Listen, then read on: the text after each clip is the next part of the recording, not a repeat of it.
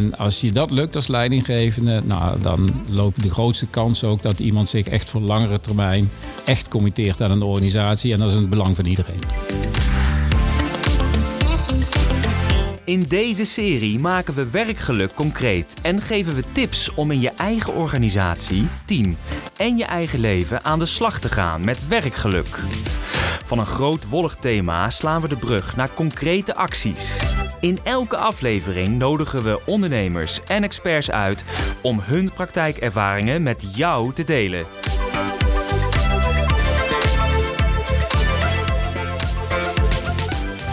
Welkom bij weer een nieuwe aflevering van de podcastserie Werkgeluk de Baas. Vandaag zit ik uh, nou ja, voor de microfoon hè, met uh, Rob Kolen. Welkom Rob, fijn dat je er bent. Dankjewel. En um, Rob, jij bent ooit uh, freelance producer geweest bij de TROS... maar je hebt ook de functie van directeur vervuld hè, bij verschillende verzekeraars. Je bent auteur van meerdere boeken inmiddels over werkgeluk. En uh, tegenwoordig ben je ook mijn collega-docent uh, bij Fontes bij Technische Bedrijfskunde. Waarin je deeltijdstudenten meeneemt in jouw opgedane ervaring. En hen begeleidt in de eigen ontwikkeling als leidinggevende. En uh, ik vind het echt superleuk dat je vandaag bij mij bent.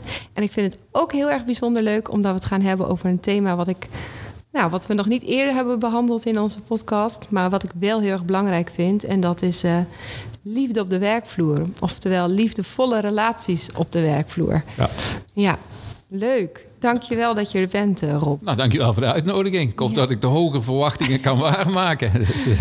Daar twijfel ik niet okay. over. Komt goed. En nou ja, want hoe ik jou ken is... Hè, je bent heel veelzijdig, je bent charismatisch... je bent ook verrassend openhartig. En uh, vandaag in gesprek voor de microfoon... nou ja, hoop ik ook heel veel van jou te leren... over hoe jij dat nou hebt gedaan in jouw carrière... en nou ja, waarom het voor jou zo belangrijk is om een boek te schrijven over die liefdevolle relaties mm -hmm. op de werkvloer. En uh, wat we daarvan kunnen leren. Ja. Maar voordat we het daarover gaan hebben, kun jij eerst nog wat over jouzelf vertellen. Wie ben jij nog meer? Nou, wie ik nog meer ben. Nou, kijk, als wij onszelf introduceren, dat houdt me altijd wel bezig. Dan vertellen we vooral heel veel over wat we doen of hebben gedaan. Je hebt net al een aantal dingen gezegd. Ik heb allerlei leidinggevende functies gehad. Een raad van bestuur, op directieniveau. Ik ben nog altijd toezichthouder bij een organisatie. Maar veel belangrijker eigenlijk is dat we vertellen over wat we doen of hebben gedaan. Vind ik dat we uh, bij een introductie ook stilstaan bij wat maakt nou iemand uniek. En dat is niet zozeer wat je doet of hebt gedaan, maar dat is wel van wat, is, uh, wat wil je eigenlijk in het leven? Wat is voor jou belangrijk? Hè? Dus, en uh, misschien ook wel wat kan je goed? Mm -hmm. Kijk, als ik bij een introductie, een van de dingen die je mij in het leven wel bezighouden is hoe kun je complexe zaken eigenlijk zo eenvoudig mogelijk maken? Hè? Mm -hmm. Dus dat is wat mij drijft. Wat mij drijft is inderdaad uh, relaties tussen mensen. Hè? Mm -hmm. dus, want uiteindelijk draait alles om mensen en relaties. Daar geloof ik in na 25 jaar leiding geven ook. Ja. Maar ook kijken naar een thuissituatie. Uiteindelijk wat daar het allerbelangrijkste zijn, zijn toch de relaties met een aantal mensen waar we van houden. Ja, en tegelijkertijd ben ik ook hartstikke resultaatgericht. En die dingen probeer ik allemaal met elkaar te verbinden uh, in het werk wat ik doe. En uh, dat doe ik inderdaad hier één dag in de week bij de Fontis. Uh, dat doe ik inderdaad als toezichthouder. Dat doe ik af en toe in adviesrollen. Maar dan gaat het altijd over verbinden, over resultaatgerichtheid, over complexe zaken eenvoudig maken. En dat allemaal, als het even kan, heel liefdevol. Ja, ja want je, je zegt het nu eigenlijk zelf ook al een beetje. Want als ik dan kijk naar jouw werkverleden, wat je allemaal hebt gedaan, dan denk ik, wauw, dat is wel heel divers. Maar je zegt net al, er zit wel echt een, een, een verbindende schakel in. Ja, als je terugkijkt, hè, dan zie je die verbindende schakel. Dan zie je ook waar zat het enthousiasme, waar zat uh, de energie en wanneer niet. En het enthousiasme en het energie zat hem erin als die zaken erin zaten die ik net noemde. Hè. Dus dat ik echt samen met mensen, samen met, met andere collega's iets mocht doen. Uh, mm -hmm. Echt duidelijk gaan voor een resultaat. Dat we dat elkaar ook gunden, dat we het ook echt samen wilden doen. Ja. Dus ik kan heel slecht tegen mensen die vooral met zichzelf uh, bezig zijn. Hè, met, Um, en als het gewoon ook uh, keihard werken was, maar ook heel veel lachen samen was. Nou, als dat er allemaal in zat, dan ben ik op mijn best. En dat probeer ik inderdaad als leidinggevende de afgelopen jaren, toen die bewustwording er kwam, ook die context te creëren. Hè, dat een dergelijke situatie ontstaat. En daar gaan de boeken feitelijk ook over die ik heb geschreven. Ja, daar ga ik het zo meteen nog met je over hebben. Nog heel even over dat samen. Hè? Ehm, want ik kan me voorstellen dat je helemaal in een, in een directeurspositie of in een leidinggevende positie, dat dat samen soms best een uitdaging is. Omdat het toch het team, jij staat daar buiten. Uh, hoewel je daar ook deel van uitmaakt, sta je daar ook buiten. Hoe kun je het dan toch samen doen? Nou, dat begint met door te zien dat ieder mens uniek is. Dat zinnetje zal misschien nog wel in dit gesprek vaker terugkomen. Ja. Maar dat is een valkuil waar ik in het verleden heel vaak uh, ben ingetrapt. Dat ik dat niet de, uh, uh, nou, de, de beginsituatie was. Hè. Eerst ieder mens als uniek te zien. Ieder mens ook in al zijn of haar uniekheid te leren kennen. Mm -hmm. En dan te kijken hoe past dat samen als team bij elkaar.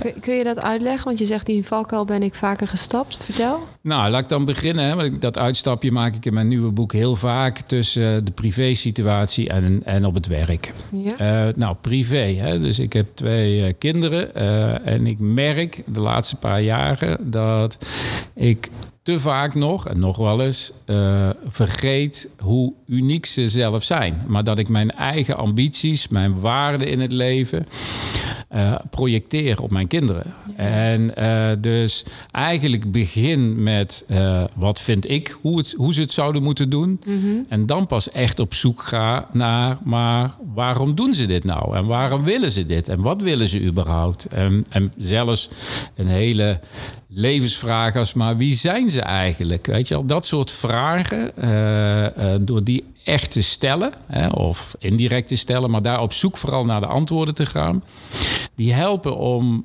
iemand te zien zoals hij of zij is, voordat je je eigen uh, waarden, normen, ambities, wensen erop hebt geprojecteerd. Ja. En dat probeer ik dus bij mijn kinderen te doen. Dat probeer ik bij een aantal andere mensen te doen die belangrijk voor mij zijn in mijn privéleven. Maar dat is ook iets wat ik in mijn werkzame leven uh, probeer vorm te geven. Ja, ja. En dat is soms heel erg complex. Ik moet eventjes denken aan een voorbeeld. Dan ga ik gelijk mijn eigen voorbeeld ingooien. Was, uh, mijn kinderen zijn nu, of mijn twee oudste zoons, dat is een tweeling. Van buiten lijken ze heel erg op elkaar, maar van binnen zijn ze dus absoluut verschillend. Heel veel mensen denken dan ook een soort van twee-eenheid te zien. Maar ze zijn van binnen heel anders. En we zijn nu bezig op zoek naar scholen te zoeken voor ze middelbare scholen en dan het oriënteren. En dan komen we op zo'n middelbare school en dan hadden we één school en dacht ik, oh wauw, dit zou ik fantastisch vinden en ik gun het ze zo en ik denk dat het heel goed past. Mm -hmm. Wat mijn zoon zei, ja, ga ik echt niet doen, ga ik echt niet heen, echt ja. niet. En ik zei, waarom niet? Ik denk dat het echt goed is voor jou. En toen hoorde ik het mezelf zeggen en toen dacht ik, ja. oh nee, dit is van jou, dit is niet ja. van mij. Ik had Mooi, het fantastisch gevonden, maar projecteer, projecteer dat zo makkelijk op hem. En dat geldt natuurlijk op de werkvloer net zo goed. Dat doen we ook, hè? Nou, op de werkvloer doen we het nog extremer. Ja. Hè? Want we hebben daar uh, uh, onboarding trajecten. Uh, we hebben kernwaarden van een organisatie. We hebben vaak bewust of onbewust een dominante cultuur. En dat is, in het dat is allemaal het kader waarbij je als nieuwe werknemer instapt. En daar is natuurlijk niks mis mee. Dat is een gegeven, maar je daar als leidinggevende, als manager bewust van zijn. En vooral ook wat daar de impact van is op een individu, op een nieuwe werknemer. Dat is denk ik wel cruciaal. En hoe zorg je er nou voor dat met die cultuur die die organisatie heeft, met de ambities die, die, die een organisatie heeft, uh, hoe zorg je nou voor dat iemand toch de ruimte ervaart dat hij of zij kan zijn wie die is? En als je dat lukt als leidinggevende, nou, dan loop je de grootste kans ook dat iemand zich echt voor langere termijn echt committeert aan een organisatie. En dat is in het belang van iedereen. Nou ja, wat ik altijd merk aan uh, uh, ook, ook zeg maar dat je wat je te doen hebt als leidinggevende, is dat je dat het de, je hebt een bepaalde visie, een bepaalde kant die je op wil, een bepaalde toekomst die je voor je ziet. Net als ik dat net bij mijn zoon ook schetste, hè, van die middelbare school. Denk ik, oh ja, maar dit zou goed bij jou passen en die toekomst. En dan zie ik dat helemaal voor me. Waar hij vooral denkt, ja, maar wat is in het voor mij? Wat vind ik leuk in het hier en nu en wat wil ik eigenlijk? En dat hoeft niet altijd te matchen. En ik merk dat in organisaties en in verandertrajecten dat we heel veel bezig zijn, of op MT-niveau heel veel bezig zijn met van naar de toekomst en zo ziet het grote plaatje eruit. Terwijl op de werkvloer mensen vooral bezig zijn met what's in it for me. Match dit met wat ik wil, wat ik leuk vind en mijn waarden en, en mijn toekomstperspectief. Ja, dat is precies het, het spel. Hè? En dan spel tussen hele grote aanhalingstekens. Wat je als leidinggevende heel goed uh, uh, mag faciliteren. Ja. Hè? Dus, en daarbij in, in het nieuwe boek noem ik dat. Hè? Er zijn een aantal werkwoorden heel belangrijk. Mm -hmm. Enerzijds zijn dat de werkwoorden willen zijn en kunnen. Hè? Dus uh, wat wil je, wie ben je en wat kan je goed. Mm -hmm. En anderzijds zijn dat de werkwoorden vertellen, mm. verdiepen, verdiepen en verbinden. Nou, en als je die uh, alle twee op een as zou zetten, dan krijg je negen vakjes. En als je die, al die negen vakjes goed met elkaar, elkaar zou doorlopen, als leidinggevende en als medewerker, dan krijg je inzichtelijk, hè, inderdaad, wat is het verhaal wat de organisatie eigenlijk wil vertellen? Hè, en wat is jouw persoonlijke verhaal? Hè, wat, wat wil jij in het leven? Uh, wat is belangrijk dat het organisatie goed moet zou kunnen en wat kan jij goed hè, als medewerker? En de laatste inderdaad, wie ben je? Dat klinkt als een levensvraag, maar laten we maar eens even beperken voor vandaag tot welke waarden zijn voor een organisatie belangrijk en welke zijn dat voor jou als medewerker, hè, als ja. individu. En door daar met elkaar over echt goed in gesprek te gaan, hè, beide te vertellen, als leidinggevende van, vanuit organisatieperspectief en als medewerker puur vanuit jezelf, hè, dat kun je faciliteren, om dat soort moeilijke vragen ook gewoon uh, hele scherpe antwoorden voor te krijgen, kom je uiteindelijk van waar kun je je echt aan elkaar verbinden. Mm -hmm. hè, waar zit dat willen zijn en kunnen van de een, de organisatie, waar matcht dat? Met het willen zijn en kunnen uh, van de medewerker. Nou, dat is even in twee minuten eigenlijk uh, uh, de hele filosofie van dat nieuwe boek. Mm-hmm. En als je dat lukt, dan krijg je echt een verbinding die echt heel bijzonder is. Waarbij iedereen in zijn of haar kracht kan blijven zitten, maar wel zich ook committeert aan wat voor die organisatie belangrijk is. Hoor ik jou dan nu ook zeggen dat het dan, wat jou betreft, ook vooral gaat niet alleen over wat iemand kan of wat iemand heeft in te brengen, maar ook dat iemand zichzelf meeneemt en wie iemand is in de kern? Nou ja, per definitie, hè, weet je wel. Dus, uh, uh, want ik bedoel, als wij ochtends naar, als Rosalie ochtends naar haar werk gaat, mm -hmm. uh, hier op het UT-terrein waar, waar wij ons vandaag bevinden, dan is dat nog altijd dezelfde Rosalie die ochtends thuis vertrokken is. Mm -hmm. En op het moment dat jij hier binnenstapt en denkt van wow, nou kan ik even niet mezelf zijn, bijvoorbeeld doordat bepaalde waarden die voor jou heel belangrijk zijn. Uh, misschien regelmatig lachen, hè, of weet ik veel allemaal. Of dat jij van nature introvert bent. Ben je niet volgens mij, maar stel dat. En je omgeeft je hier met allemaal collega's die extravert zijn. Mm -hmm. en die jouw introvertheid eigenlijk niet lijken te accepteren. Dan heb je een hele zware dag. En uh, wat jij dan allemaal kan en kwaliteiten, dat sneeuwt dan op zo'n moment onder, omdat jij niet kunt zijn wie je bent. Ja. Hè, dus dit als voorbeeld dat uh, inderdaad ruimte hebben om te zijn wie je bent, is cruciaal in iedere omgeving, dus ook op het werk. En kwaliteiten zijn natuurlijk ook cruciaal. Uh, maar daar staan we denk ik met elkaar wel voldoende bij stil in, in organisatieland. Ja, ja want uh, volgens mij hebben we de titel van je boek nog helemaal niet genoemd. Dat heet Let Love Rule Your Business. Ja. Hè? En, en, en, en in je boek bespreek je ook wat je dan kan leren van liefdevolle relaties in je privésituatie. Om de band tussen je medewerker uh, en de organisatie beter te begrijpen en te verbeteren. Ja. Volgens mij noemde je het ook liefde als strategie. Ja. Ja. Wat, wat is de belangrijkste les die je ons eigenlijk wil leren daarmee? Nou ja, dat de liefde het allerbelangrijkste in het ja. leven is. En uh, dat het eigenlijk opvallend is dat er bijna een taboe heerst op überhaupt het woord gebruiken in een werkomgeving. Nou, dat is, uh, het is wel heel. Uh, heel beladen. Beladen gekozen. Ja, ja en hij heeft allerlei associaties die wat mij betreft helemaal niet spelen uh, uh, als ik het heb over de liefdevolle relaties op de werkvloer. En dat bedoel ja. ik meer de liefdevolle relatie tussen een medewerker en een organisatie. Hè? Ja. Dus, uh, dus ik heb daar over de, liefdevolle relaties die wij kennen met onze kinderen. Waarbij je elkaar beter wil maken. Waarbij je elkaar gelukkig wil maken. En daar heb ik het over. En de liefde ontbreekt in een hoop organisaties. Een hoop mensen voelen zich onveilig hè, in organisaties. Dus ja, uh, een van mijn ambities is wel om de organisaties iets liefdevoller te maken. En niet door allerlei violen eh, te laten horen of rozen uit te delen, maar eigenlijk heel methodisch. Uh, en dus is de liefde een strategie die je echt bijna instrumenteel kunt inzetten. En nogmaals, je zult er geen uh, bloemetjes en bijtjes uh, bij krijgen of hoeven te verzinnen. maar het kan wel een stuk liefdevoller en dat kan methodisch. Maar dat begint ook wel met de ambitie van managers, van leidinggevenden... om de mens achter de medewerker te willen zien. Ja. A, omdat ze dat zelf als mens willen. Uh, uh, maar B ook omdat dat in mijn optiek de enige manier is om als organisatie ook echt succesvol te zijn. Dus liefde en succes, liefde en geluk, eh, dat wisten we al dat dat samen ging, liefde en geluk. Mm-hmm. Maar liefde en succes zijn wat mij betreft ook onlosmakelijk aan elkaar verbonden. En als je daarin gelooft, dan uh, is het een zeker een aanrader om Let Love Rule Your Business te lezen. Ja, ja want jij bent natuurlijk, je hebt zelf een, een, een heel verleden aan leidinggevende functies, zeg maar. Hoe was jij vroeger als leidinggevende?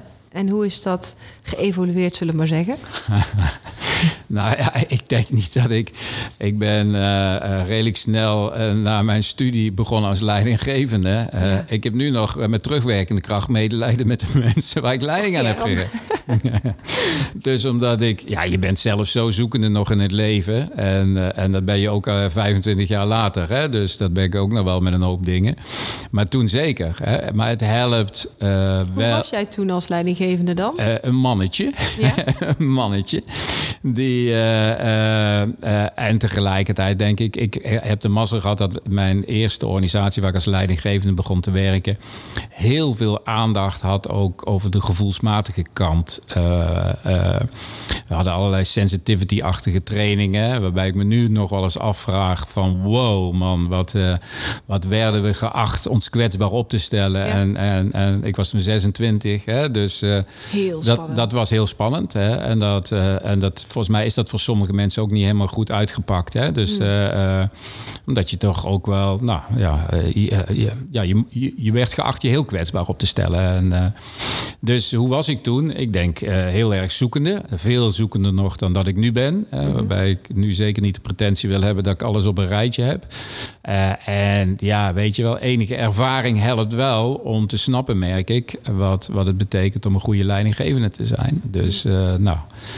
Wat zou je, als je nu terugkijkt op die periode, wat zou je jezelf anders gunnen? Nou ja, uh, veel meer rust. Uh, veel meer uh, minder van ik moet iets of ik vind dat iemand anders iets moet. Mm -hmm. En veel meer vanuit het positieve dingen in gang brengen. Nou, voorbeeldje. Um, ik haal mijn kinderen maar weer erbij. Ik hoop dat ze het nooit gaan vergeven. Maar ik heb een, een zoon die de ambitie heeft om een hele goede keeper uh, te worden. Mm -hmm. dus, en, uh, en, uh, en die het af en toe leuk vindt om samen met mij te trainen. Hè? Dus, dus in de weekenden, maar ook door de week, pakken wij ons momentje wel eens samen. Ik merk dat ik, toen wij dat in het begin deden, ik het eigenlijk nog deed zoals ik vroeger als leidinggevende was. Weet je wel, vooral wijzen op de fouten, vooral wijzen wat hij, uh, wat hij niet goed deed. Uh, uh, het was denk ik voor hem af en toe niet leuk. Hè? Dus toen dacht ik, daarmee was het ook af en toe niet leuk voor mij. En dus ik denk, het is win-win als we vooral het gewoon leuker maken. Hè? Dus, en dat wil niet zeggen, hè, want dat is een beetje de curling-generatie die daardoor ontstaat, dat je ook niet kinderen mag wijzen op dingen die niet goed zijn. En ook ieder obstakeltje voor hem of haar weg moet halen. Nee. Maar vooral uitgaan van het positieve. Vooral uitgaan van maak het leuk, maak het, uh, op, breng het op een manier dat je het echt wil. Hè? Ook in zijn geval, hè? een goede keeper worden.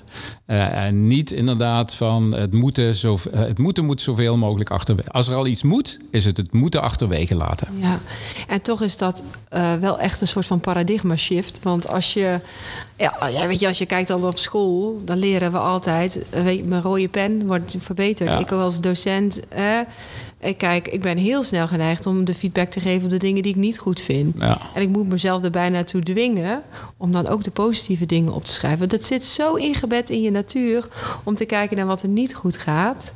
Uh, dat het ook soms ingewikkeld is om te kijken naar wat er wel goed gaat. En die andere aspecten even te laten liggen. Vanuit het principe: alles wat aandacht krijgt, groeit. Ja. Dus als je iemand continu wijst op zijn fouten, gaat hij ook denken dat hij het niet goed doet. Als je iemand continu wijst op de dingen die hij goed doet en waar hij in kan groeien, dan, dan, dan ja, dan, dan gaat dat eigenlijk automatisch. Alleen dat is zo'n. Ik merk dat het bij mezelf soms ook zo ingewikkeld is. Nou ja, eh, eh, het siertje dat je je beurs bent, dat het begint bij jezelf. Ja. Hè? Dus, en dat, nou ja, we worden nou wel heel... eh, bijna, eh, in ieder geval, ik ben dan een amateurpsycholoog, maar als, wat ik nu ga zeggen is, maar weet je, het begint, alles begint uiteindelijk bij jezelf. En het begint ook bij jezelf door je bewust te zijn, ook vanuit het positieve van, eh, maar beste Rosalie of beste Rob, wat wil jij? Ja. Hè, en niet van wat heb ik nou vandaag niet goed gedaan, maar weet je wel, waar zat mijn energie? Waar, waar deed ik het wel goed? Wat, Ja. eh, eh, en probeer vanuit daaruit morgen weer verder vorm te geven. En sluit je niet af natuurlijk voor de dingen niet goed zijn gegaan, maar wees erin alsjeblieft niet zwaar, zo zwaar voor jezelf. Hè? Zo, zo kritisch voor jezelf. En als je daarmee begint, dan wordt het denk ik ook een stuk makkelijker om minder kritisch voor anderen te zijn, maar veel meer vanuit het positieve aan te vliegen. Ja, nou ja, en, maar ook om, om zo te kunnen denken, maar ook om iemand echt te kunnen zien, dat vereist wel een zekere mate van zelfkennis ook. Ja, ja en nou, dan toch maar even, eh, niet dat eh, niet steeds over mezelf moet gaan, maar dat is... eh, ehm, kijk, ik heb periodes in mijn leven gehad, als ik terugkijk, dat ik heel slecht mezelf zag. Hè? Dus of eh, met dingen aan het worstelen was, zonder dat het te zwaar moet klinken. Maar ehm, en dat waren ook de momenten dat ik een aantal mensen die heel eh, belangrijk voor mij zijn, ook onvoldoende heb gezien. Hè, dus, dus alles, alles, alles begint bij jezelf. Ja. Dus en als je mild bent over jezelf, als je eh, durft te leven vanuit het positieve, als je durft te leven vanuit het nu, ehm, dat is een mooie start en misschien wel de basis om echt ook anderen echt te kunnen zien. Ja, is het dan ook liefde voor de mensen om je heen of liefde voor de mensen op de werkvloer? Überhaupt liefde op de werkvloer begint bij liefde voor jezelf? Ja, het is, het is, het is bijna. Hè, het, Cliché, worden tegelwijsheidjes, inderdaad. Het wordt bijna een cliché. Maar ja, daarmee is het niet minder waar. Hè? Dus het is zo, weet je. Hoe kun je nou, inderdaad, als je niet jezelf een beetje oké vindt, hè, dat vind ik nog iets anders dan dat je liefde voor jezelf. Maar het is wel zo. Je hebt wel gelijk. Het is, als je niet een beetje van jezelf houdt, hoe kun je dan van anderen houden? Hè? Dat moet niet doorslaan. Dan heet het narcisme of weet ik veel hè, hoe het allemaal heet. Maar eh, ja, daar begint alles wel mee. Het begint Ja. echt bij jezelf. Ja. Ja. Nou ja, ik, ik moet daar ook denken aan... ehm, en misschien heb ik dit voorbeeld ooit als gegeven, dat weet ik niet. Maar als je in het vliegtuig, dan heb je altijd als bij eh, de instructies, zeg maar... dan krijg je altijd die eh, kapjes die naar beneden die zuurstofkapjes. En ik dacht in het begin altijd, zeiden ze eerst op je eigen hoofd zetten en dan pas bij die van je kinderen. En dan dacht ik, nou wat een onzin. Ik moet eerst mijn kinderen redden. Pas later realiseerde ik me dat als ik zelf eh kastiewijlen ben, dat ik mijn kinderen moeilijk kan redden. Ja. Dat ik eerst voor mezelf moet zorgen voordat ik hen überhaupt kan helpen. Ja. En in, in, als leidinggevende is dat natuurlijk niet anders. Dus je kunt het liefde noemen, maar je, je, Ja. je kan niet anders. Als je zelf slecht in je vel zit, heeft het effect op de rest om je heen. Ja. Privé, maar ook in je Ja. werksituatie. Dus misschien is dat wel wat ik bedoel met ook liefde voor jezelf. Ja.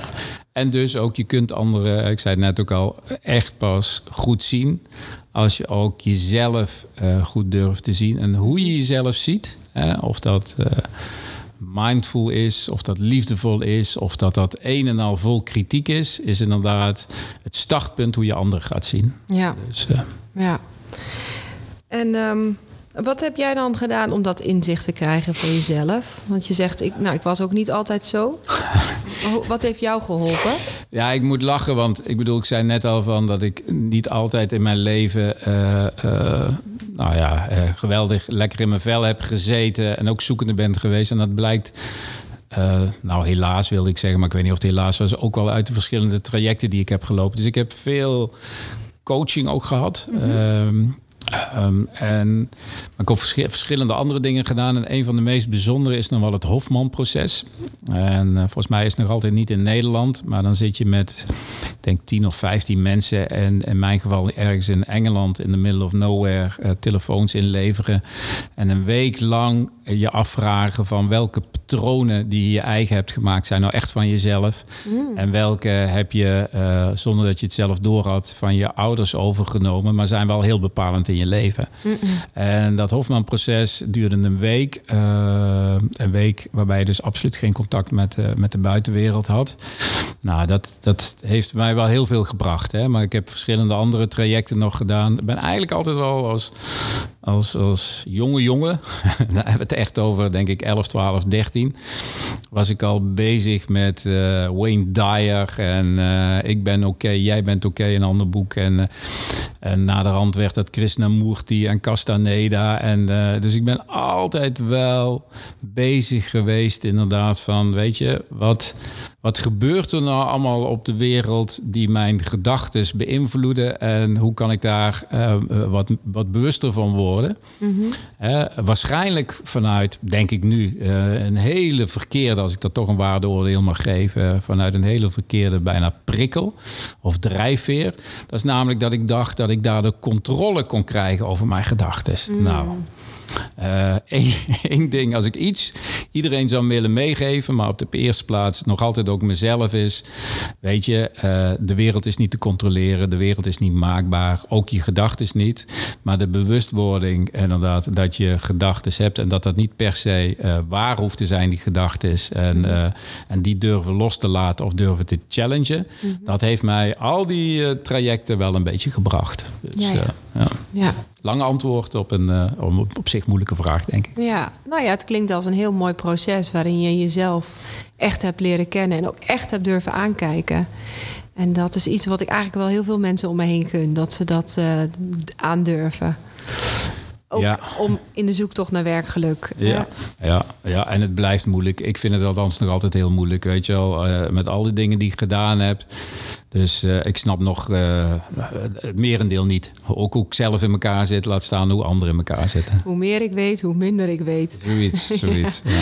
Hey, um, en, en toch heb jij in 2015 al een boek uitgebracht over werkgeluk. Ja. Um, nou ja, ik denk als ik even terugkijk, toen was je een van de eerste die daar echt al zo expliciet uh, aandacht voor had.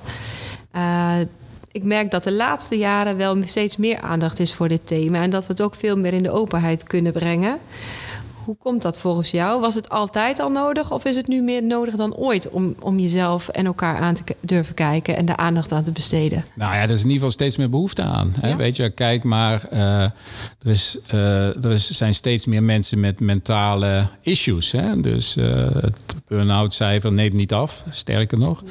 Ja. Steeds meer jongeren die mentale problemen hebben. Dus er is nog eens een keer extra aangejaagd, helaas door corona is er steeds meer behoefte aan. Mm. En of je het dan uh, zoektocht naar werkgeluk noemt, of naar zingeving of bewustwording, mm-hmm. dat doet er allemaal niet, uh, niet toe, maar er is wel gewoon behoefte aan. En uh, ja, 2015, ik heb dat boek geschreven, inderdaad, Ere die ere toekomt. Ik denk dat Onno Hamburger de allereerste was die ja. over werkgeluk okay. heeft geschreven. En ik denk dat er een ploegje daarna is gekomen waar ik in zat, die, die ook met het onderwerp aan de gang zijn gegaan. Kijk, ik ben in 2014 heb ik dat boek geschreven.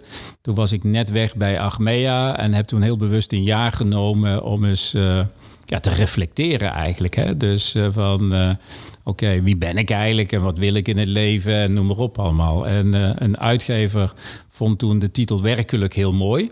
En, en nou, werkgeluk is nou een thema wat in heel veel organisaties speelt. En er is behoefte aan, nogmaals, omdat gewoon steeds meer mensen behoefte aan hebben om hun eigen geluk een beetje vorm te kunnen geven. We slaan er soms wel een beetje in door. Hè, kijken alleen al naar de, naar de socials. Hè. Dus ik vind dat, dat we wel heel erg happy willen zijn met z'n allen. Dus ja. daar, uh, daar mag ook wel wat kanttekeningen bij geplaatst worden. Maar dat er behoefte aan is aan dit thema, dat is, uh, dat is evident. Ja, ja, en die socials noem je, maar dat is ook de buitenkant. Hè?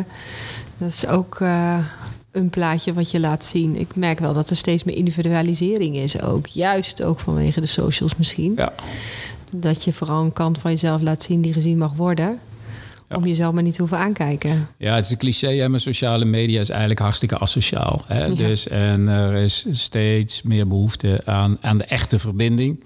Nou ja, dan kom je het weer. De meest ultieme vorm van verbinding is de liefde. Dus ik denk dat de liefde... Uh, voor zover het al niet het thema was van de afgelopen duizenden jaren, moet het bij deze, moet niks, maar is het eigenlijk heel logisch en hebben we de behoefte aan om dat steeds meer een vorm te geven. Uh, nou, daar hoop ik een kleine bijdrage aan te leveren om iets bewuster te zijn van hoe we onze eigen liefdevolle relaties kunnen vormgeven. En welke tip kun je mensen meegeven die zeggen van nou, ik wil inderdaad hè, om meer bezig zijn met liefde op de werkvloer, liefde voor elkaar?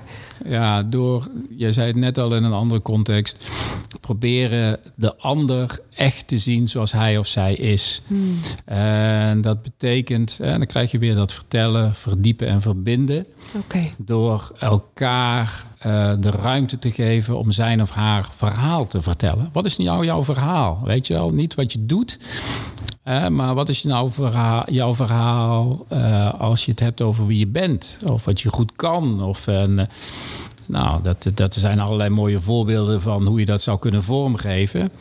En uh, als je dat verhaal elkaar hebt verteld, dan dat gaan verdiepen. Hè, om te kijken van, ja, maar wat zeg je nou eigenlijk? Wat zit erachter?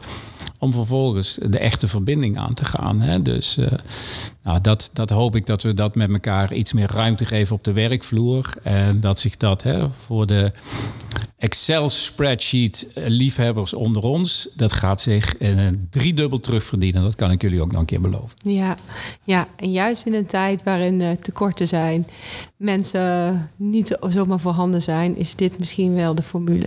Nou ja, eh, de liefde is de meest ultieme vorm van binden en boeien. Hè? Ja. De, dus uh, als je de kans wil verkleinen als werkgever dat medewerkers uh, plotseling onverwachts jouw organisatie verlaten, terwijl dat jouw goudhaantjes waren, of goudkippetjes, maar dat klinkt misschien, maar je snapt wat ik bedoel. Goudhaantjes, man, vrouw, elders. Hè? Dus uh, man, vrouw, anders. Dus, uh, maar als dat je goudhaantjes zijn, en dan wil je het laatste wat je wil is dat ze plotseling vertrekken. Ja. Dus probeer ze alsjeblieft echt te binden en te boeien. Uh, probeer ze, uh, en dat, ja, nogmaals, dat kan denk ik op een manier, uh, nou ja, beter dan dat we het nu doen. Mooi. Ik denk dat we daar ook mee gaan afsluiten. En als mensen nog meer van jouw werk willen lezen, dan raad ik ze zeker aan om jouw boek ook te kopen. Dat uh, zou ik zeker doen. En hoe heet jouw boek ook alweer? Let Love Rule Your Business. Met als ondertitel Omdat alles draait om mensen en relaties. Hartstikke mooi. Dankjewel dat je er was vandaag. En ik hoop dat we op deze manier liefdevol heel veel mensen hebben kunnen inspireren. Dus uh, dankjewel. dankjewel. Wil je nou ehm, meer weten over Rob? Nou, neem dan ook vooral contact op of kijk even op op LinkedIn, denk ik. Ja, LinkedIn of uh, www.letloveruleyourbusiness.com. Weet okay. je wel dus. Of voer Rob Kolen in, werkelijk of Let Love Rule Your Business. Jullie weten me vast te vinden. Hartstikke goed. Dan uh, doe dat vooral. En uh, vind je het nou leuk om ook zelf een keertje bij mij te gast te zijn in deze podcastserie? Dan mail naar werkgeluktebaas.fontes.nl Ik dank jullie allemaal hartelijk voor het luisteren van deze aflevering. Check ook alle andere afleveringen, want we hebben ook nog een heel seizoen 1 gemaakt. Abonneer je en like en deel deze aflevering vooral ook met anderen. En dan hoop ik uh, dat je de volgende keer weer luistert.